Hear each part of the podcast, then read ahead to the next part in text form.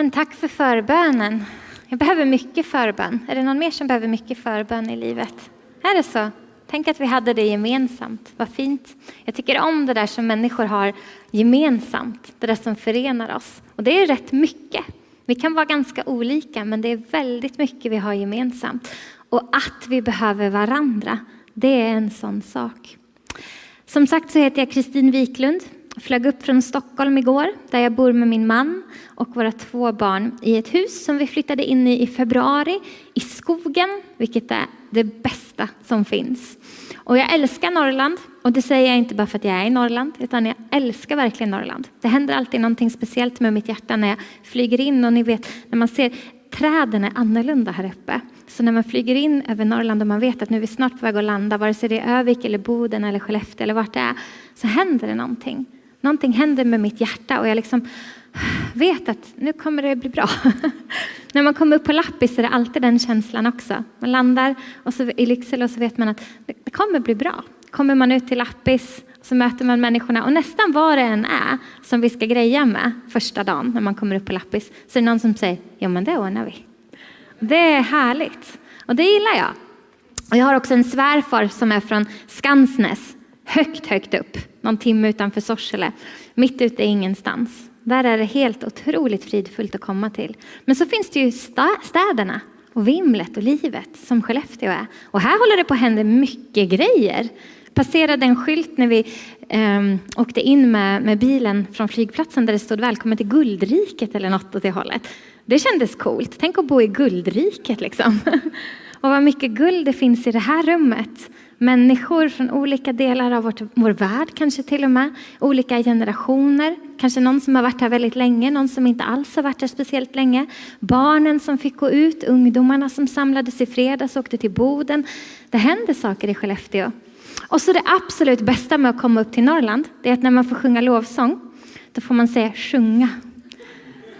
Och min själ. Och det, det gör ju jag. Alltså jag är ju stockholmare. Jag vet att det inte riktigt låter som det nu, men det är för att jag har varit här sedan igår och då blir det så här. Kan inte hjälpa det. Men att få sjunga lovsång med er och så hör jag mig själv sjunga, sjunga, min, min själ ska sjunga. Då känns det så fint, för då blev det plötsligt något som förenar oss. För vi människor, vi vill gärna hitta det där som förenar oss, är det inte så? Och Guds ord är en sån sak som förenar oss. Här blir vi lika. När vi läser Saltarsalmen 23 som vi ska börja med idag, så du som vill hinna bläddra dit kan börja slå upp psalm 23. När vi läser den, och så läser vi om den här resan som är livets vandring på något sätt. Processerna som är livet. Nu ska vi bara se så jag satte igång min timer, för jag insåg att jag har mycket att säga er idag. Jag måste försöka hålla tiden. När vi läser om den resan, livets vandring, så hittar vi massor av saker där vi kan vara på olika platser i livet, men där det finns någonting som förenar oss och det ska vi prata om idag. Jag jobbar för Pingstsamfundet med att hjälpa våra 440 fria församlingar, de som vill ha hjälp med omsorgsfrågor av olika slag. Så det är psykisk ohälsa och det är våld i nära relationer och det är funktionsnedsättningsområdet, det är äktenskap och familj, det är själavårdsnätverk och ni vet, allt det där som är stökigt och sårbart och kan gå sönder. Allt det där där vi kan skada varandra eller skada oss själva eller kliva över varandras gränser. Allting som blir på något sätt värdegrundsfrågor och kulturfrågor i en församling. Där får jag jobba. Så jag får möta många församlingar och hjälpa församlingar i processer som kan vara lite kluriga. Men så tänker jag ibland att egentligen så är det inte församlingarna, utan det är individerna. Ni vet, en och en och en och en som är på olika platser på livets resa, som ska mötas i en och samma lokal och kalla oss för familj. Vilket omöjligt och orimligt och fantastiskt vackert uppdrag det är. Någonting som egentligen inte går, om vi ska vara ärliga, men som på något sätt går. För att Guds ord säger att när vi samlas, då händer någonting. Då är han mitt ibland oss. Och då var det plötsligt inte upp till dig och mig att lösa det där som förenar, utan det var upp till han som binder samman allting och håller allting i sin hand. Som allting är placerat i och allting upprätthålls av. Så det är skönt när det finns en sån grund att stå på. Och så har jag tänkt på den här tiden som vi är i, som är så enormt, enormt stökig på många sätt. Ni vet, vi hade två år av pandemi. Ni minns det va? Jag vet att vi fick kliva in snabbt i nästa kris, men det var faktiskt två år av pandemi. Det var ganska stökigt. Och så precis när pandemin var över och liksom Folkhälsomyndigheten slutade att ha sina presskonferenser och vi någonstans drog en lättnadens suck och tänkte okej, okay, då kliver Försvarsmakten in och säger nu tänkte vi hålla låda ett tag. Vi kan ha lite presskonferenser nu för nu blev det plötsligt väldigt osäkert i vårt närområde. Och så igen så fick vi förhålla oss till den här meningen som de säger gång på gång på gång. Att vi är i en tid som saknar motstycke i modern tid. Och de refererar bak till andra världskriget och de refererar bak till händelser som vi liksom inte kan riktigt greppa. Och det gör någonting med oss människor som är på den här vandringen som är livets vandring. När vi inte har någon att ta rygg på, när det inte finns en guide att följa som säger jo men här har vi varit förr, det kommer ordna sig. Eller hur? Och så när vi hade börjat lära oss att okej, okay, men nu är det det vi ska förhålla oss till. Pandemin är över, men nu är det krigsoro i Europa. Då blev det inflation och energikris och oro för hur vi ska hålla oss varma under vintern. Det är mycket som kan hända på livets väg. Det är mycket som kan hända på den här resan som jorden är. Och så mitt i allt det där som kan hända och mitt i allt det där som faktiskt händer, livets stormar, så ska vi ha relationer med varandra som är sunda och hälsosamma och som funkar och som faktiskt, i alla fall enligt vad Guds ord säger, ska ge världen ett exempel på vad utgivande kärlek är och hur det ser ut. Så att de ska förstå att det finns någon som är värd att lita på. Någon som är värd att bygga sitt liv på. Det känns som ett ganska svårt uppdrag. Och ändå så går det. Det går. Men inte på grund av dig och mig och att vi alltid lyckas. På grund av att vi bygger det på någonting som är helt utan färgskiftning. Jesus han är fullständigt komplett. Han har inga identitetskriser. Han är orubblig. Han är perfekt frid. Han är fullkomlig kärlek. Och du och jag är placerade i honom. Och det är det som gör att det går. Så idag så ska vi läsa psalm 23 tillsammans. För jag skulle vilja ta med er på en resa. Vi ska börja där. Sen ska vi läsa om Lazarus i Johannes 11. Så jag måste läsa väldigt fort för jag vill prata med er mer än vad jag liksom inser. Och klockan bara tickar och tickar och tickar. Så det här kommer jag aldrig gå. Så jag läser fort. Hänger ni med? Nu läser jag så fort som det går. Psalm 23. En psalm av David. Herren är min herde. Ingenting ska fattas mig. Han för mig i vall på gröna ängar. Han låter mig vila vid lugna vatten. Han ger mig ny kraft och leder mig på rätta vägar, sitt namn till ära. Inte ens i den mörkaste dal fruktar jag något ont, ty du är med mig. Din käpp och din stav gör mig trygg. Du dukar ett bord för mig i mina fienders åsyn och du smörjer mitt huvud med olja och fyller min bägare till bredden. Din godhet och nåd ska följa mig varje dag i mitt liv och Herrens hus ska vara mitt hem så länge jag lever. Den här salmen är helt otrolig för den summerar och fångar alltihopa den pratar om de här passagerna i livet. Som jag vet inte om du har varit där, men jag har varit där. Den pratar om de mörkaste dalarna. De riktigt stormiga säsongerna. De där tiderna då man helst bara vill ge upp och säga nu räcker det. Är det någon mer än jag som har varit där? Ni måste inte räcka upp handen om ni inte vill, men jag känner mig så ensam, så någon kanske.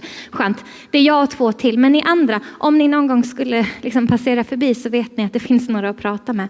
De mörkaste dalarna, i en annan översättning så står det inte ens i dödsskuggans dal. Alltså där det är precis så becksvart att vi liksom överhuvudtaget inte kan se ljuset.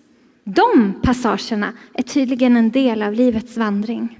Och så pratar, nu är det inte så att ni som sitter på den här sidan symboliserar den mörka dalen på något sätt. Det är bara det att för att jag ska vara pedagogisk och illustrativ så behöver jag få röra mig över hela scenen. Är det okej? Okay? Fixar ni det? Så här har vi den mörkaste dalen, men de vackra, vackra, fantastiska människorna. Sen så finns det någon slags riktning i det här som slutar med att alltihopa landar i de gröna ängarna. De gröna, ja, eller hur? De gröna ängarna, platsen av total vila och frid. Platsen där det är så ljust och vi är så upplysta av hans godhet och nåd att vi bara är i fullständig frid. Där vi äntligen får vila ut, där själen på något sätt har nått sin slutdestination och vi vet att vi är hemma. Här ska Herrens hus vara mitt hem alla dagar och hans godhet och nåd ska följa mig. Här vill jag kampa. Det är här man vill bo. De gröna ängarna, fullkomlig vila, fullkomlig frid, fullkomlig frihet. Och Bibeln lär oss att en dag ska allting bli bra och allting ska bli bra och allting ska bli bra. Det finns en sån framtid. Men sen var det ju någonting här i mitten.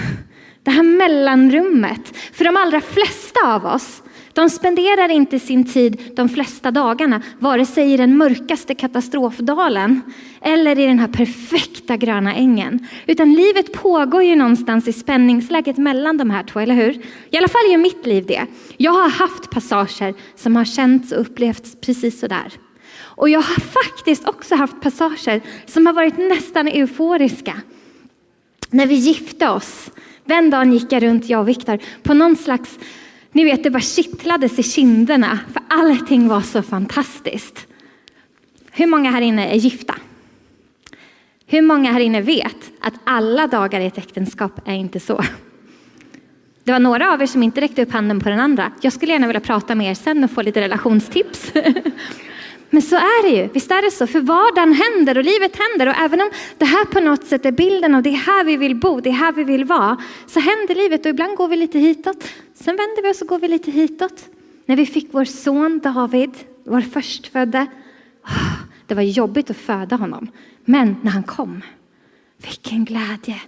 Jag har aldrig känt sån kärlek i mitt liv, aldrig. Jag tittade ner på den här lilla, lilla, lilla människan och då kände jag mig som gröna ängarna. Ingen smärta kände jag längre i kroppen efter ett tag, för det var bara den här lilla människan.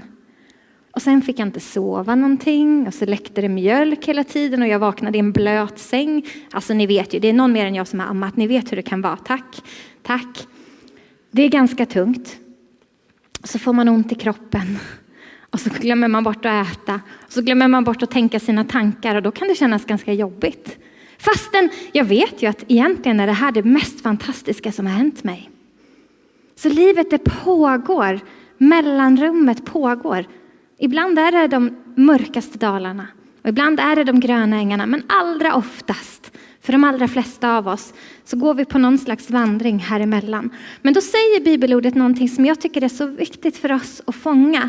Det verkar vara en riktning i den här salmen. Det verkar finnas någon slags rörelse i den här salmen. Att när vi är i de mörkaste dalarna, i dödsskuggans dal, i hopplöshetens på något sätt vakuum, där vi inte vet hur vi ska ta oss upp, då står det att men din käpp och din stav tröstar mig, skyddar mig.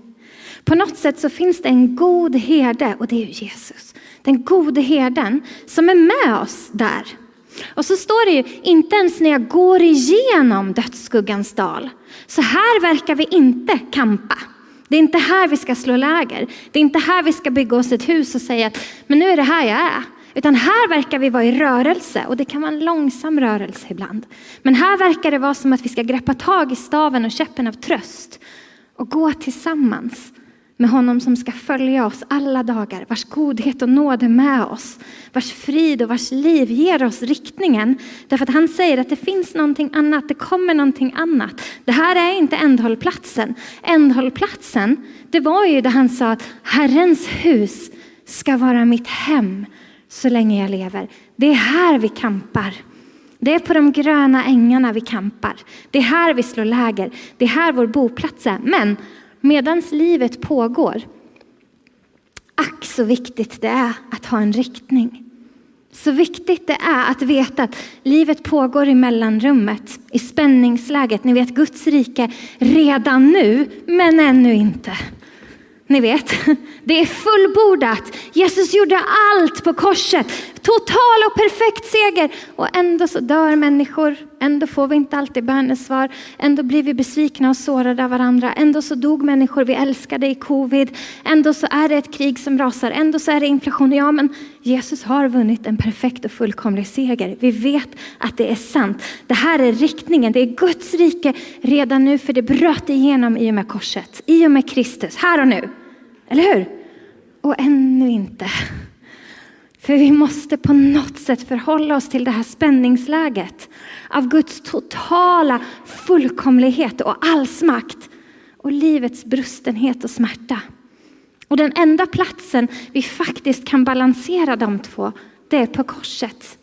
Där Guds rike möter livets smärta. Där på något sätt det som är Guds transcendenta, ouppnåeliga perfektion, fullkomlighet möter mänsklighetens villkor i ett kors. Där han kliver ner i ditt och mitt totala mörker och väljer att älska oss där. I dödsskuggans dal, i vår förvirring, i vår ångest, i vår oro, i alla våra frågor, i allt det där vi inte kan förstå. Och så möter han oss där, men han inte bara möter oss där, han drar oss upp till sig själv, ger oss käppen. Vi får luta oss lite, vi haltar lite. Jag gör i alla fall det. Jag kommer nog alltid halta lite. Ni som var med igår vet hur mycket jag haltar. Och så får vi ha riktningen. Och så tänker jag att det finns någonting i den här rörelsen och i den här berättelsen som vi lär oss om när vi läser Johannes 11 om Lazarus. Lazarus var Jesus vän. Han var någon som Jesus höll kär. Lazarus var någon som Jesus besökte ofta. Lazarus bodde i Betania tillsammans med sin syster Marta, Marta och Maria. De bodde där i ett hus. Man tror att de kanske hade det ganska gott ställt, tillräckligt gott ställt för att det skulle finnas plats och tid och rum och mat och en sängplats över för Jesus när han gick in och ut genom staden till Jerusalem eller från Jerusalem, för det var ungefär en halvtimmes vandring mellan Jerusalem och Betania. Och Jesus var ofta in och ut på vägarna mellan Jerusalem och övriga världen. Och då stannade han hos dem och sov över hos dem. Och ni vet sådär som man gör med sina vänner. Jag var inte där, men jag har läst tillräckligt mycket om dem för att se att de var vänner. Det betonas inte en gång, inte två gånger, inte tre gånger, utan återkommer att Jesus och Lazarus och Marta och Maria, de var vänner. Och det står att han sov över, han bodde över, han åt mat med dem, han spenderade tid med dem. Och när jag sover över hos mina vänner, då får jag gå och ta ett glas vatten i skåpet innan de har vaknat. Jag måste inte vänta. Och om det fattas någonting och de är ute och grejer i trädgården, då får jag leta upp det och ta det. För så är det ju med vänner, eller hur? När vi har riktiga relationer med varandra, då behöver vi inte sätta oss och vänta. Och så har vi vaknat klockan sju och så vaknar de klockan nio och vi är vrålhungriga, utan då tar man sig lite filmjölk om man behöver. För så är det ju med vänskap. Och den typen av relation föreställer jag mig att Lazarus hade med Jesus. För det står att han höll honom kär. Och det var inte långt ifrån där Jesus befann sig när vi plockar upp historien i Johannes 11 heller. Jesus och lärjungarna hade behövt lämna staden för att de hör, ja, Jesus höll helt enkelt på att bli stenad vid templet. Så de blev liksom utjagade ur staden och behövde ta sig därifrån. Så de var en liten bit utanför. Så fick Jesus bud. Någon skickade en sände, ett sändebud och berättade att din vän Lazarus, den som du har kär, är sjuk ligger för döden. Och då står det någonting som är så konstigt. Då står det så här, ja, Jesus han sa till, sina, till sändebudet först, ja men den här sjukdomen kommer inte leda till döden. Utan den här sjukdomen kommer leda till att Gud ska förhärligas på något sätt. Jaha, tänker sändebudet, då ska jag vidarebefordra det. Tar sig tillbaka till de sörjande systrarna som ju hade skickat bud till Jesus för att de visste att han brydde sig. Men de visste också någonting om vem han var, för han hade lärt dem någonting om vem han var. Vi lär oss i den här berättelsen hur Jesus undervisade Marta och Maria. De kallade honom för lärare och mästare och de visste saker om uppståndelsen. De visste saker som vi inte ditintills hade sett Jesus undervisa om, men som han uppenbarligen hade undervisat dessa systrar om. Jesus hade en nära relation med dem, en förtrolig relation med dem. Så när sändebudet kommer med bud från systrarna tror jag att systrarna förväntade sig, ni vet som du och jag, när livet händer och vi skickar ut vår bön och vi ringer i stora böneklockan och säger nu behöver Gud gripa in. Då förväntar vi oss att han griper in och att vi ska få se Guds rike redan nu, eller hur? Vi förväntar oss att han bryter igenom. Och då står det att nej, han väntade två dagar till. Hur många har känt att Jesus väntade två dagar till någon gång? Det är en ganska jobbig känsla. Det kan påverka oss väldigt mycket. Och jag tror att det påverkade de här systrarna också. För de visste att han är två dagar ish härifrån. Han borde dyka upp nu. Men det gjorde han inte. Och lärjungarna frågar liksom, vad ska vi göra? Vad är det här för någonting? Och Jesus bara, nej men den här sjukdomen, den kommer inte leda till döden. Okej? Okay? Så han stannar kvar i två dagar till. Och sen verkar det som att han ändå tycker att nu är det tid. Och då säger han till lärjungarna, okej, okay, nu behöver vi gå tillbaka till Betania. För vår vän Lazarus, han sover och jag behöver gå för att väcka honom. Och lärjungarna säger till honom, ja men var det inte där, de höll ju nyss på att stena oss, vi, vi kan inte gå dit, då kommer vi dö ungefär. Och Jesus talar klarspråk på dem, nej men jag behöver gå dit. Han sover, jag, jag behöver gå för att väcka honom. Men lärjungarna säger, men vadå om han sover? Då blir han väl frisk snart? Det är väl bra att sova när man är sjuk? Då blir man ju frisk. Och så får Jesus tala klarspråk. Nej, men alltså han är död. Jaha, då är han död plötsligt. Den här sjukdomen skulle inte leda till döden. Gud skulle ju förhärligas. Och du ska ju gå för att väcka honom. Hur kan du nu säga att han är död redan? Ja, ja, då får vi väl gå och dö med dig då, säger lärjungarna. Och så börjar de gå. Och så plockar vi upp berättelsen i Johannes 11 från vers 32. Oj, oj, oj. Och då vet ni att nu har ni de sörjande systrarna som hade full tillit till att Jesus var någon som han hade sagt att han var. Någon som bryter igenom. De hade förväntan på honom. De hade tillit till honom. De hade tro för att någonting skulle skifta när han kom. Och han kom inte. Han kom alldeles för sent. Det står att när Jesus kom dit hade Lazarus redan varit död i fyra dagar och begravd. Och så möter Jesus, först möter han ju Marta. Och Marta är väldigt upprörd. Hon dundrar ut med sina frågor. Hon är jättearg. Och hon ifrågasätter Jesus, för hon hade hört någonting om vem han var som hon inte fick se. Som säger om du hade varit här så hade min bror inte varit död nu. Var var du? Och Jesus, som vet hur det är att möta människor i livets smärta, han som alltid möter oss precis där vi är. Han tar hennes fråga, han tar hennes kritik, han tar hennes ifrågasättanden och så ställer han frågan till henne. Men har jag inte sagt till dig? Jag är uppståndelsen och livet. Den som tror på mig ska aldrig dö, även om han dör, ska alltid leva. Tror du det Marta? Men jag har trott det. Och så har de en diskussion om det här. För han hade lärt henne någonting. Och hon, när livets smärta stormade in och mörkrets dal blev hennes boplats, då behövde hon frågasätta den teologin som hon hade byggt sitt liv på. Och Jesus mötte henne där. Det lät han lät det vara en teologisk process för henne.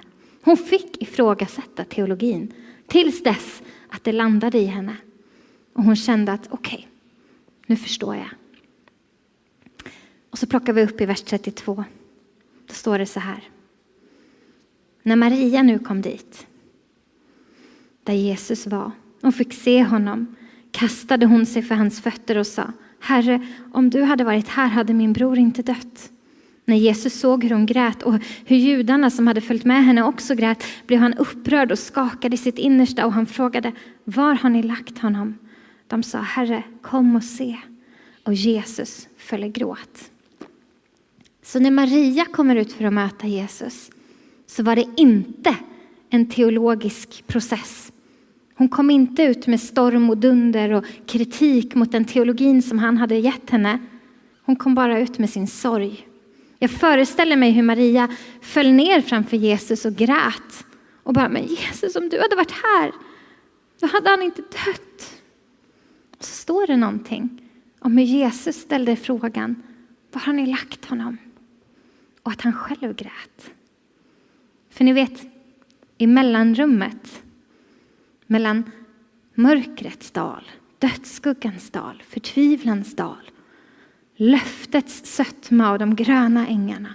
I det mellanrummet som oftast är livet, där gråter vår Gud med oss. Med oss. Det är de goda nyheterna. Han möter oss där vi är. Han grät inte bara med Maria för att hon var ledsen. Det var inte bara empati. Han grät för att han kände smärtan. Versen efter så står det att judarna som var med, sörjarna som var med. Vet ni att det var människor som var utsända för att sörja med den som var i smärta och sorg. Tänk om vi kunde ha det så 2022 i Skellefteå, i Stockholm, i Malmö, i Guds församling. Att vi hade sörjare som deltog i smärtan och satte sig med den som lider i den här mörka dalen och grät tillsammans med dem. Och sen började peka på käppen av tröst, lånade en axel och kom vi går tillsammans. Här är riktningen. Där ska vi bo, här ska vi inte kampa. Kom, kom, kom, kom. Men inte började dra dem dit med massa bibelord och massa det kommer bli bra! Stå här borta och skrika på den som är där, utan faktiskt kunde sätta sig bredvid den tillsammans med den som sörjer. Så när sörjarna såg, när sörjarna såg Jesus tårar så drog de slutsatsen, se hur han älskade honom. Se hur han höll av Lazarus. Den här kärleken, kolla på den här kärleken. Den är någonting helt annat. Men några andra kritiserade honom. Han som alldeles nyss öppnade den blinde mannens ögon. Vad är det här liksom? Om han nu är så himla cool och fräsig, kunde han inte bara lösa den här situationen? Eller hur? Så det fanns både och. Det fanns både de som kunde se någonting helt otroligt i Jesus mänsklighet, i Jesus förmåga att lida med den som lider, gråta med den som gråter, befinna sig mitt i den mänskliga upplevelsen av smärta och förlust. Men det fanns också de som sa, men vadå om han är Gud? Om det här är vart vi ska? Om, om han är så mäktig, hur kan han då ha låtit det här hända? Lite som Marta och Maria också. Marta sa, men hallå, du har ju sagt till mig att du är uppståndelsen och livet. Han är död. Och Maria säger, du har ju sagt till mig att du, du är uppståndelsen och livet och jag är så ledsen. Två helt olika upplevelser men samma slutsats. Om Jesus är uppståndelsen och livet, hur kan Lazarus nu vara död? Och vad ska vi göra av det? Vad gör vi av det? Lazarus berättelsen är det sjunde tecknet innan korset. Ni vet sju är ett sånt här fantastiskt tal i Bibeln. När vi ser siffran sju eller talet sju, då har vi liksom att göra med någonting mer än bara en berättelse. Då är det någonting annat också. Fullkomlighetens tal, någonting som ska peka på någonting större. Och Lazarus berättelsen, undret som Jesus gör här med Lazarus, det är det sista tecknet som sker innan Jesus själv går till korset. Och Lazarus undret, för det kommer snart ett under. Ni undrar vilket under? Han är ju död. Det är ju bedrövelse. Det kommer gå bra. Spoiler alert, allt kommer bli bra. Lazarus undret ska peka oss i den riktningen som är korset. Som är platsen där Guds rike möter livets smärta. Och där Jesus en gång för alla gör upp med död. Där han faktiskt kliver ner i döden och uppstår. Och i hans uppståndelse tar med sig dig och mig. I hans uppståndelse ta med sig nycklarna till frihet, uppståndelselivet, vägen och sanningen, helande och mirakel. Allt det där som har gått sönder, allt det där som har gått i kras, brustna drömmar, smärta och förlust. Allt det där i våra relationer som behöver upprättas, han tar med sig det. Han tar med sig det i sin uppståndelse. Så Lazarus berättelsen, den pekar inte bara på Jesus uppståndelse och din och min uppståndelse med honom, utan alltings upprättelse. Det är därför det är så viktigt att Jesus inte bara dundrar in. Vi vet ju att han vet vad han ska göra. Han sa det ju för några dagar sedan. Då sa han ju, den här sjukdomen ska inte leda till död, utan till att Gud ska förhärligas. Jag går för att väcka upp honom. Han är tydlig med det. Därför att Jesus, vår Gud är den enda som har kapacitet att vara både fullständigt transcendent och alldeles totalt immanent. Gud med oss, Emanuel, inneboende, närvarande, människa. Han har förmågan att ha bägge dessa naturer i en och samma. Och det är det som är evangeliet. Där Guds rike och livets smärta möts, där Guds allmakt möter mänsklighetens villkor. Korset, det är vårt evangelium. Därför att Gud, Jesus vet i detta. Jag andades in lite tuggummi, det var därför det blev tokigt. Jesus vet vad han ska gå och göra. Han vet att han ska väcka upp Lazarus. Men han vet att i mellanrummet, den där platsen, från att han möter Maria och gråter med henne, möter henne i hennes smärta, känner smärtans förlust själv, går bort till graven, för det står någonting, att han gör någonting. Och vi ska läsa det nu. Vi tar från, vi tar från vers 35. Jesus föll i gråt. Då sa judarna, se hur mycket han höll av honom. Men några av dem sa, kunde inte han som öppnade ögonen på den blinda ha gjort så att Lazarus inte behövt dö? Jesus blev åter upprörd och gick till graven.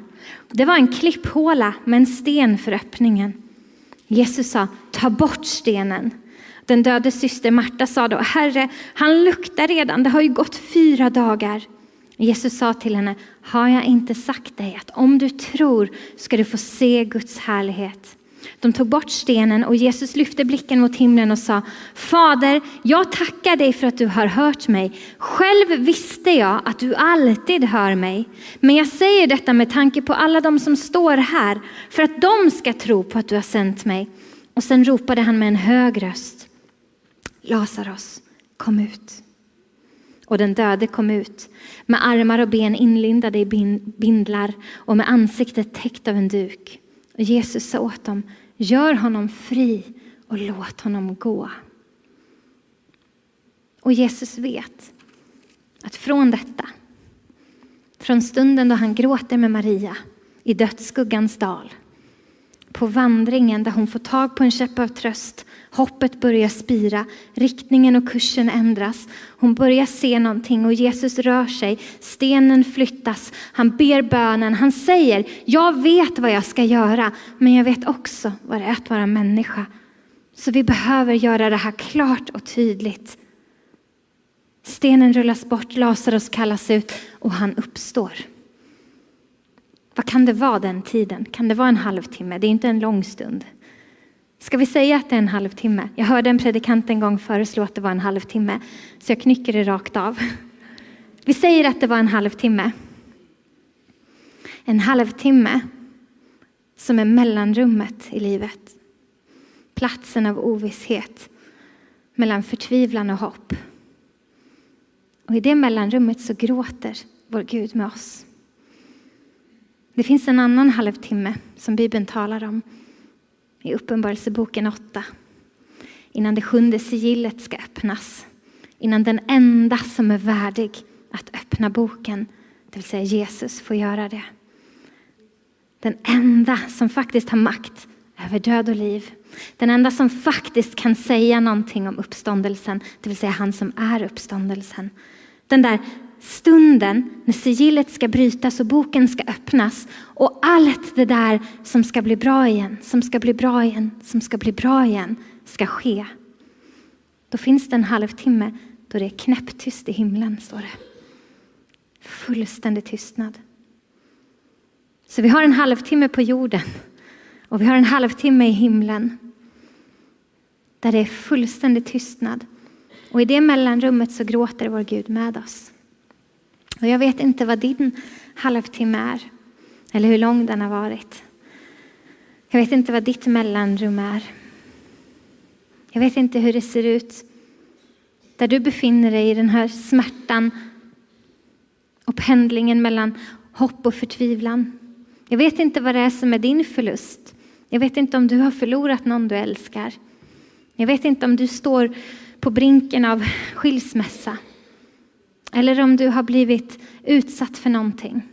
Jag vet inte om du själv lider av sjukdom, om du behöver ett uppståndelsemirakel, om du behöver upprättade relationer, om du behöver helande och hälsa in i ditt liv, om du behöver försoning in i ditt liv. Jag vet inte vad din Lazarus-upplevelse är. Men jag vet att riktningen som Gud bjuder oss in i är alltid en riktning, dels mot hans gröna ängar som är vår boplats, men också en riktning som leder oss till korset. Där Guds rike möter livets smärta och där vi i hans uppståndelse får bilden för oss klart och tydligt hur det ser ut när livet segrar, därför att han segrar. Hans är segern. Hans är livet, för han är livet. Hans är uppståndelsen, för han är uppståndelsen. Han som är vägen, sanningen och livet. Han som är försoningen. Bibeln lär oss i andra Korintierbrevet att Gud, Gud var i Kristus och försonade hela världen med sig själv. Det är Guds verk från början till slut. Han är den som skapar den här balansen. Han är kanske också den enda, eller kanske han är den enda, som klarar av att hålla det här spänningsläget i händerna samtidigt. Och anledningen att det behöver ta tid i Lazarus berättelsen är för att du och jag ska våga lita på den guden som faktiskt gråter med oss i mellanrummet. Våga känna tillit till den guden som vet vad det är att vara människa. Därför att Jesus vet vad det är att vara människa. Fullständigt människa. Fullständigt Gud. Transcendent, höjd över allting. Immanent, inneboende i dig och mig. Gud med oss. Gud fullständigt höjd över allting samtidigt. Han som vet vad han ska göra, han som vet vad som kommer, han har ändå kapaciteten att möta oss där vi är och gråta med oss i det som gör ont. Så vi kommer gå in för landning nu och Magda får gärna komma upp och spela. Så ska jag börja försöka avrunda. Men Jesus visste att i den där halvtimmen av smärta så behöver du och jag få känna hans närvaro. Vi behöver veta att han är Gud med oss. Om historien hade betett sig annorlunda och Jesus hade kommit till byn, sagt Märta, lugn, Marta menar jag. Jag säger alltid Märta.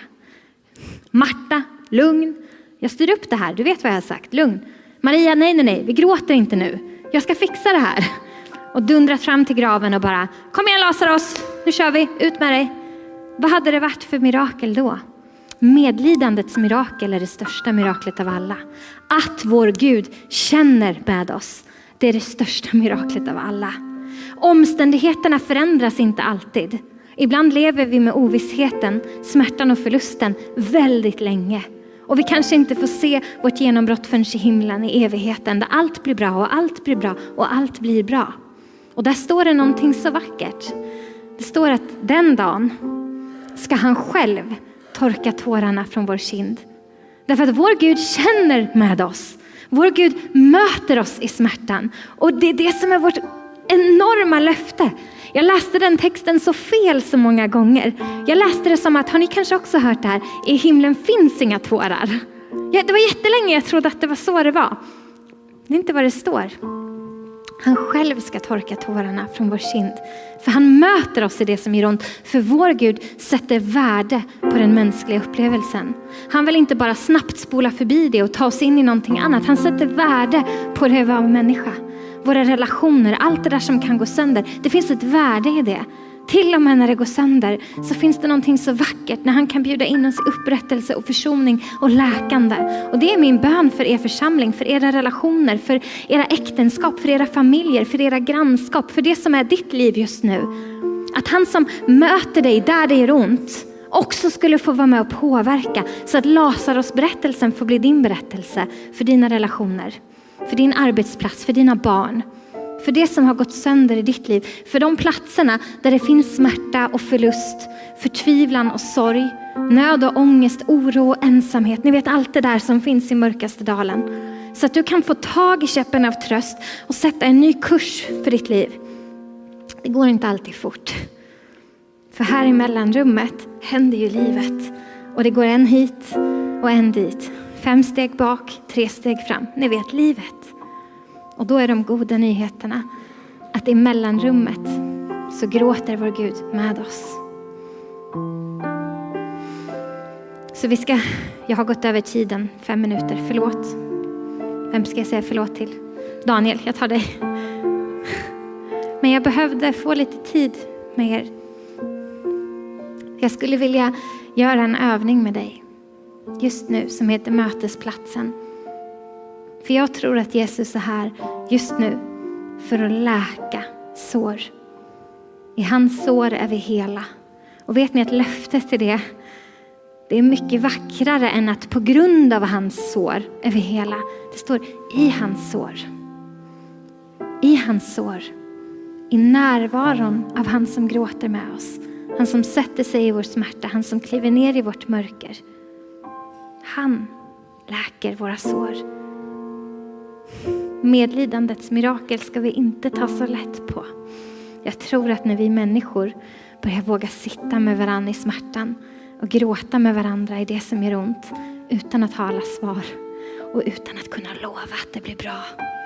Utan bara säga, jag är här med dig i det som gör ont.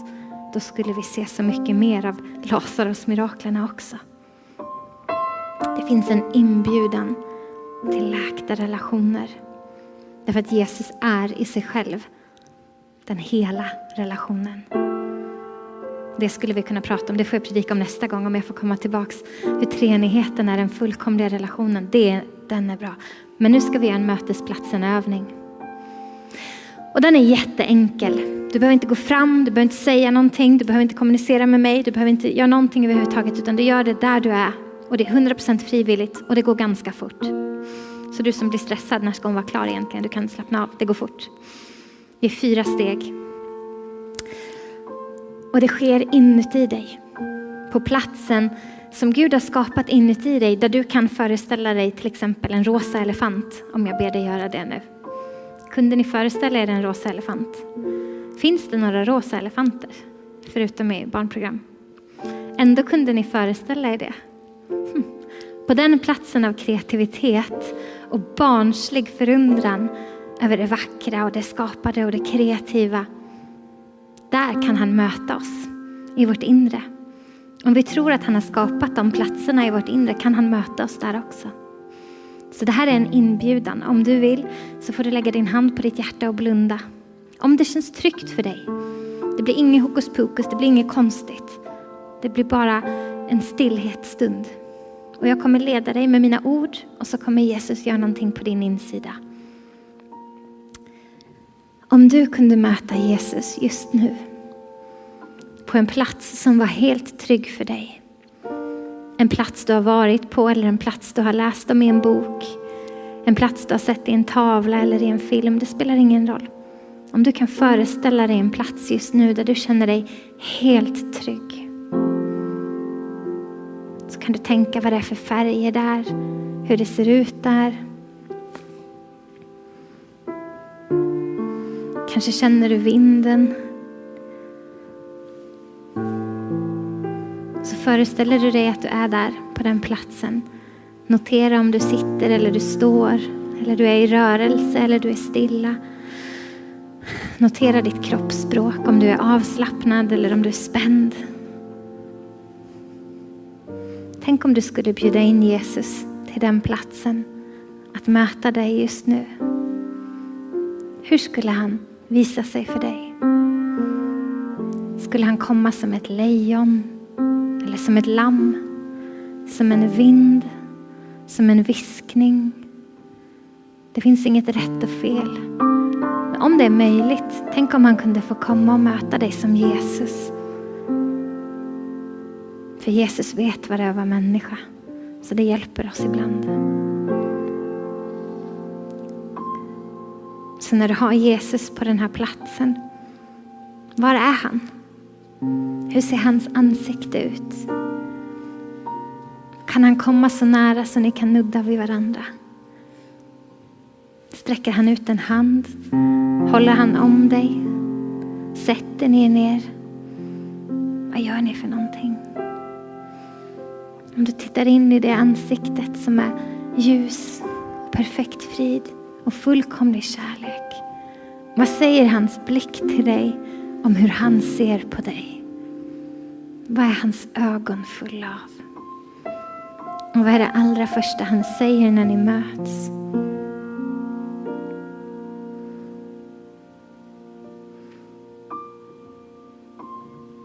Säger han, Säger han, jag har väntat här. Delar han ett minne? Visar han dig en bild? Och nu är det fjärde steget. Snart är vi klara. Tänk om den här Jesus som är fullkomlig trygghet och fullkomlig frid kunde få möta dig just nu i det som gör ont. Tänk om du kunde låta honom få älska dig är det som är din mörka dal, Är det som är din smärta, Är det som är din förlust, Är det som är ditt tvivel, Är det som är dina frågor. Om du som Marta behöver ifrågasätta någonting du trodde var sant om honom. Om du behöver få anklaga honom så kan han hantera det. Eller om du som Maria behöver bli mött i dina tårar. Kan du låta den här Jesus få älska dig på den platsen som gör så ont?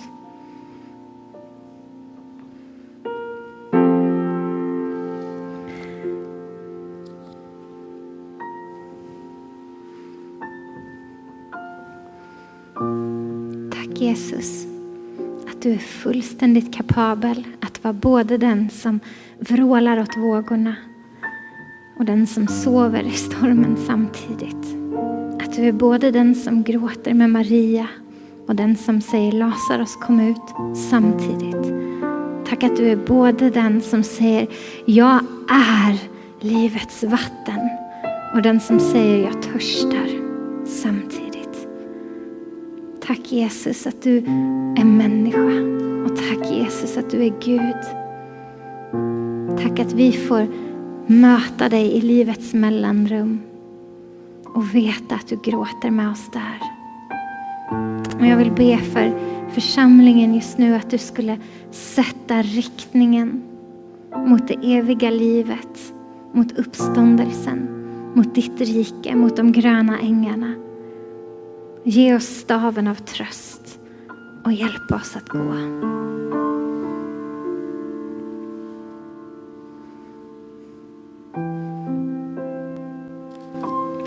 Ni har lyssnat.